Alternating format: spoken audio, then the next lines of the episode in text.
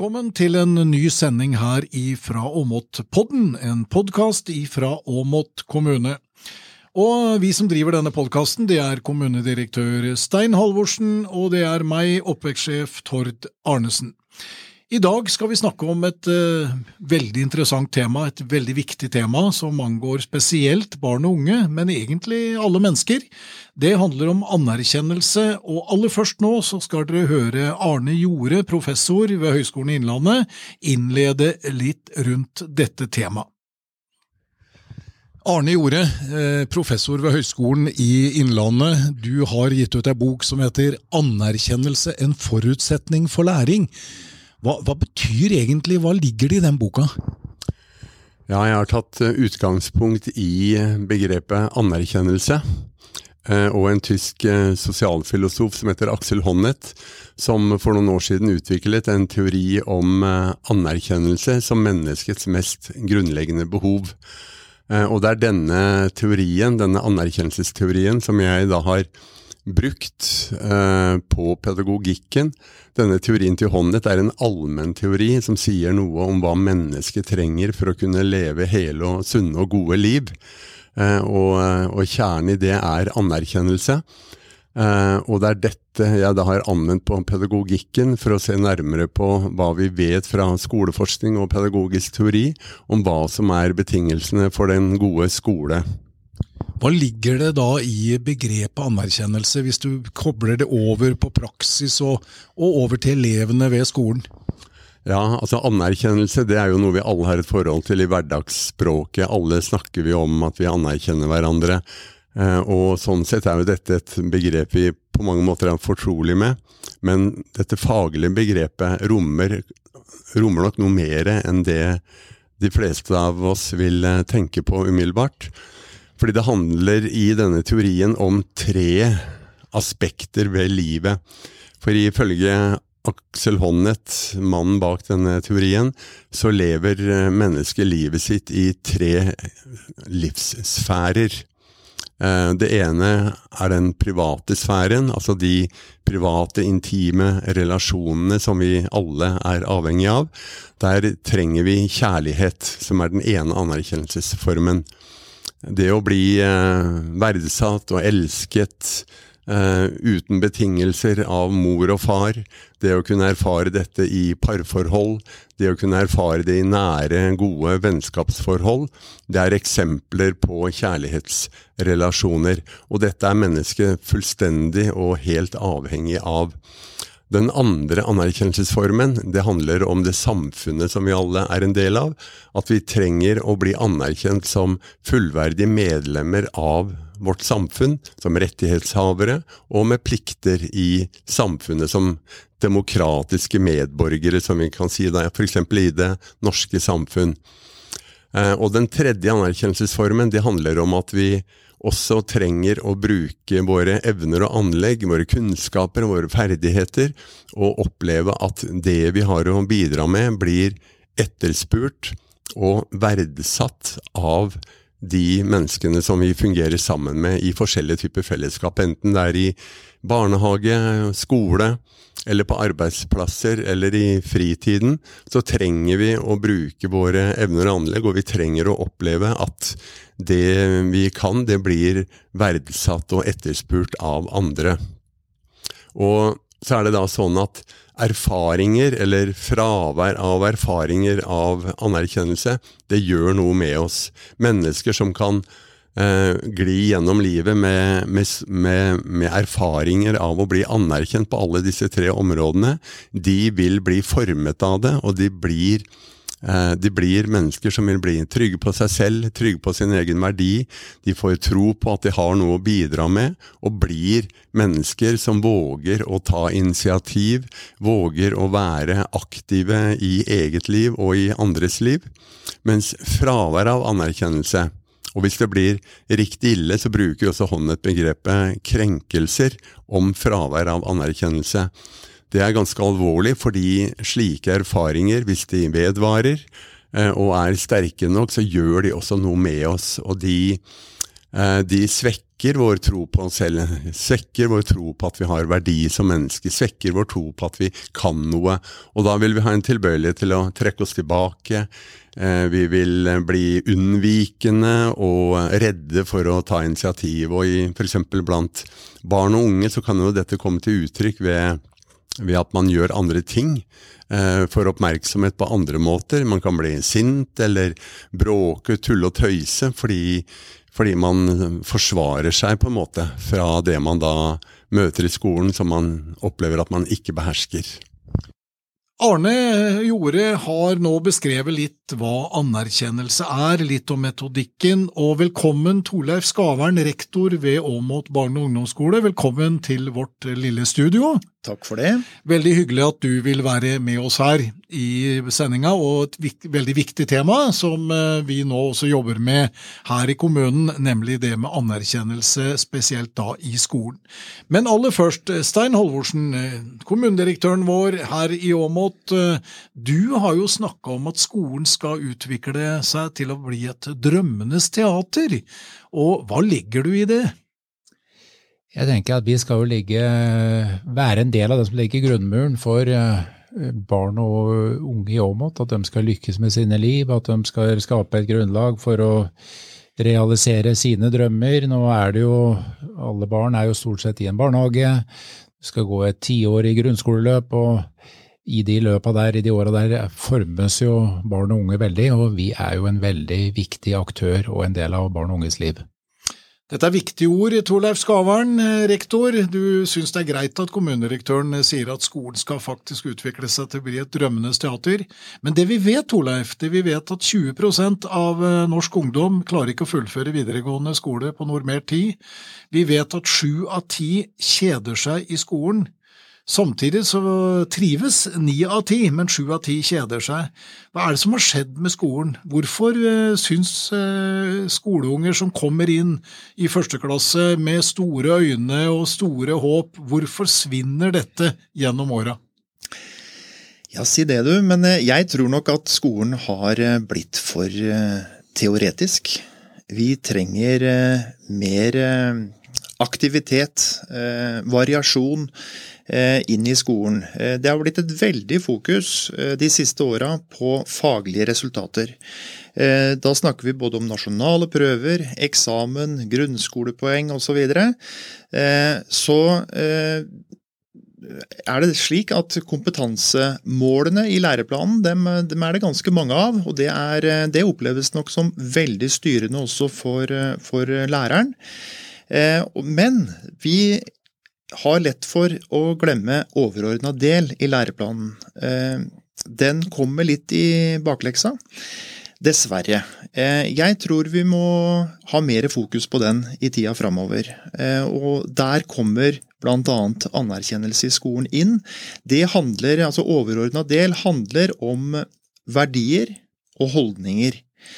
Og det blir på mange måter grunnmuren i opplæringa. Dette må være på plass for at eh, også det faglige og prestasjonene, resultatene, skal eh, falle på plass. Og at vi skal ha elever som presterer sitt beste. Så eh, jeg tror at det har blitt for stort faglig fokus, og så har vi glemt litt det som står i overordna del, og har ikke fått med oss det på god måte inn i skolen.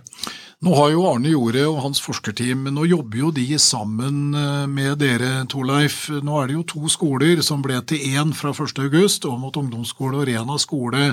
Og dere har jo valgt, og Vi har jo valgt nå anerkjennelse som en metodikk som vi ønsker å jobbe videre med. Men hvordan, eh, hvordan jobbes det med det i praksis?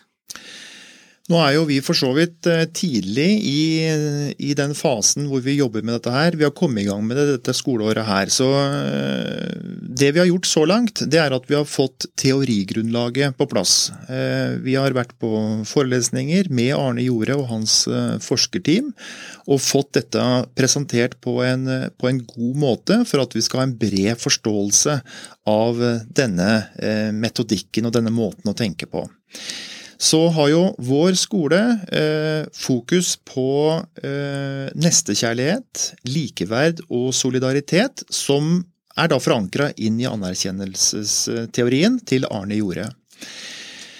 Eh, og det vi nå konkret har gjort på skolen vår, da, det er at eh, vi, vi fører logg. Eh, og logg over hendelser hvor nettopp nestekjærlighet, likeverd og solidaritet kommer til uttrykk.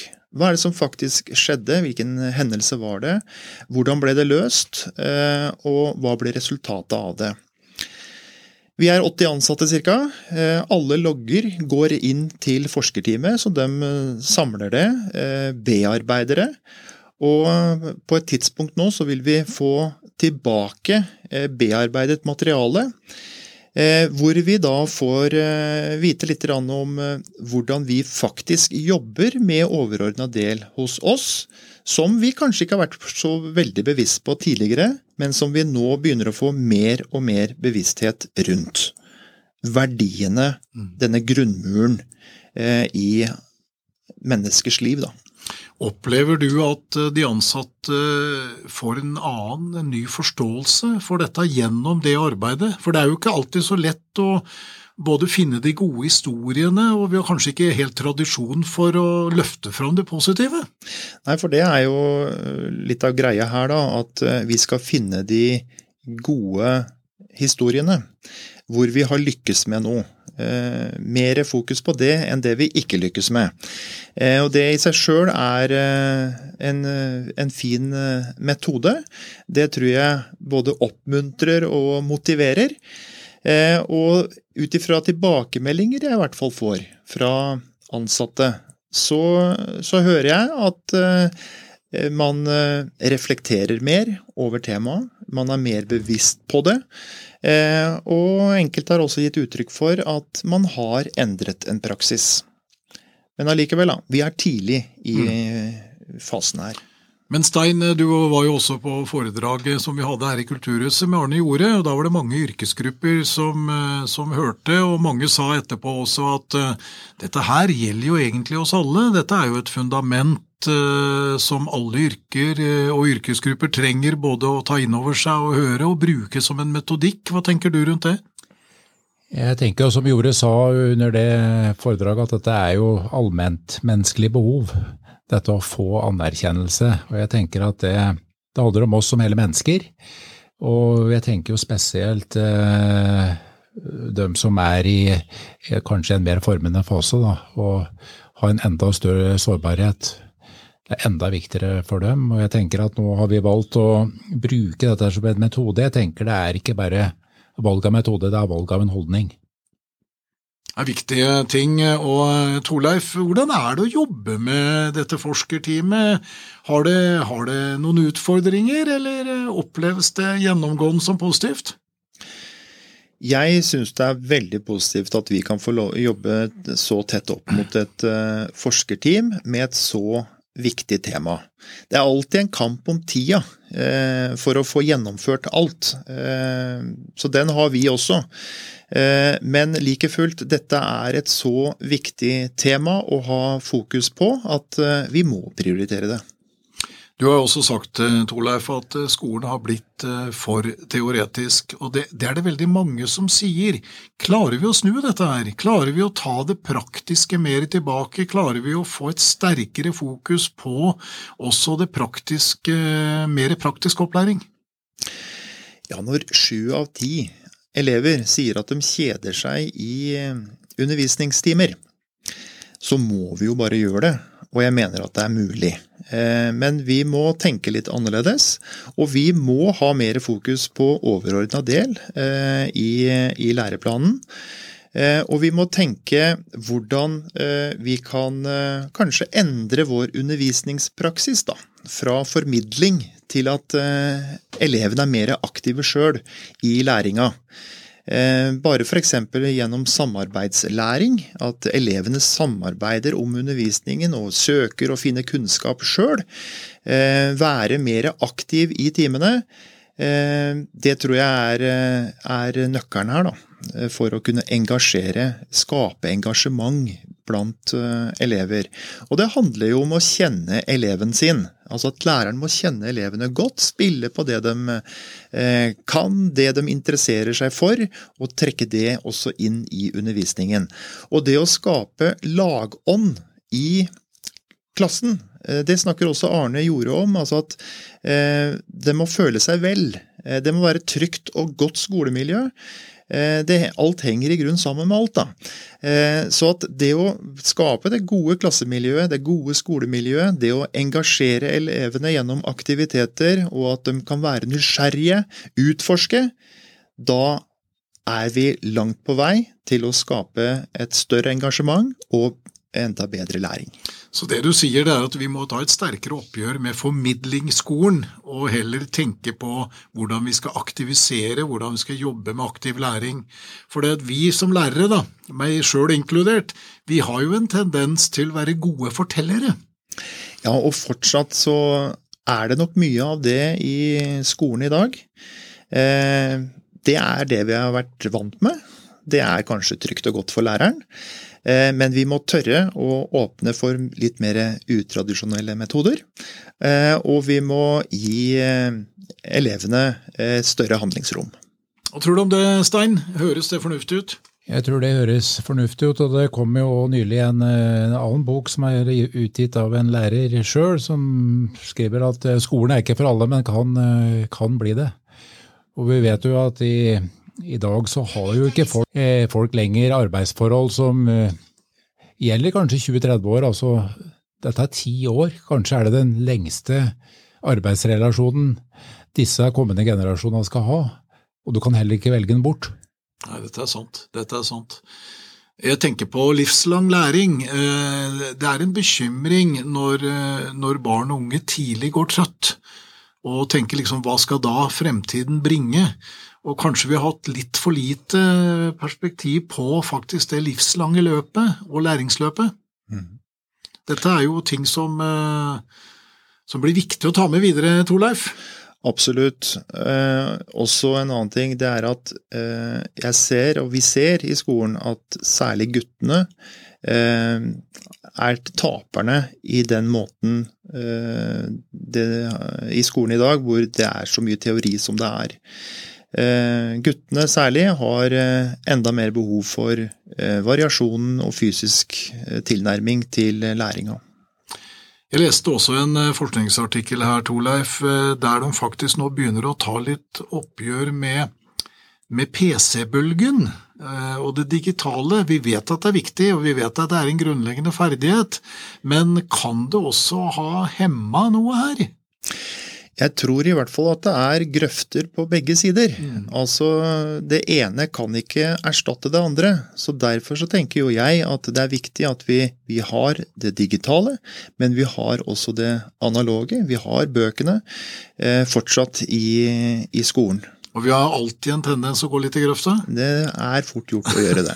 det er noe der. Viktig det er balanse i livet, Stein. Eh, mening i livet, ikke minst også. Det meningssøkende mennesket, som det også sto om i den generelle delen av læreplanen, som en viktig del. Det å, det å ha en glød, det å ha, et, uh, ha en visjon for livet sitt.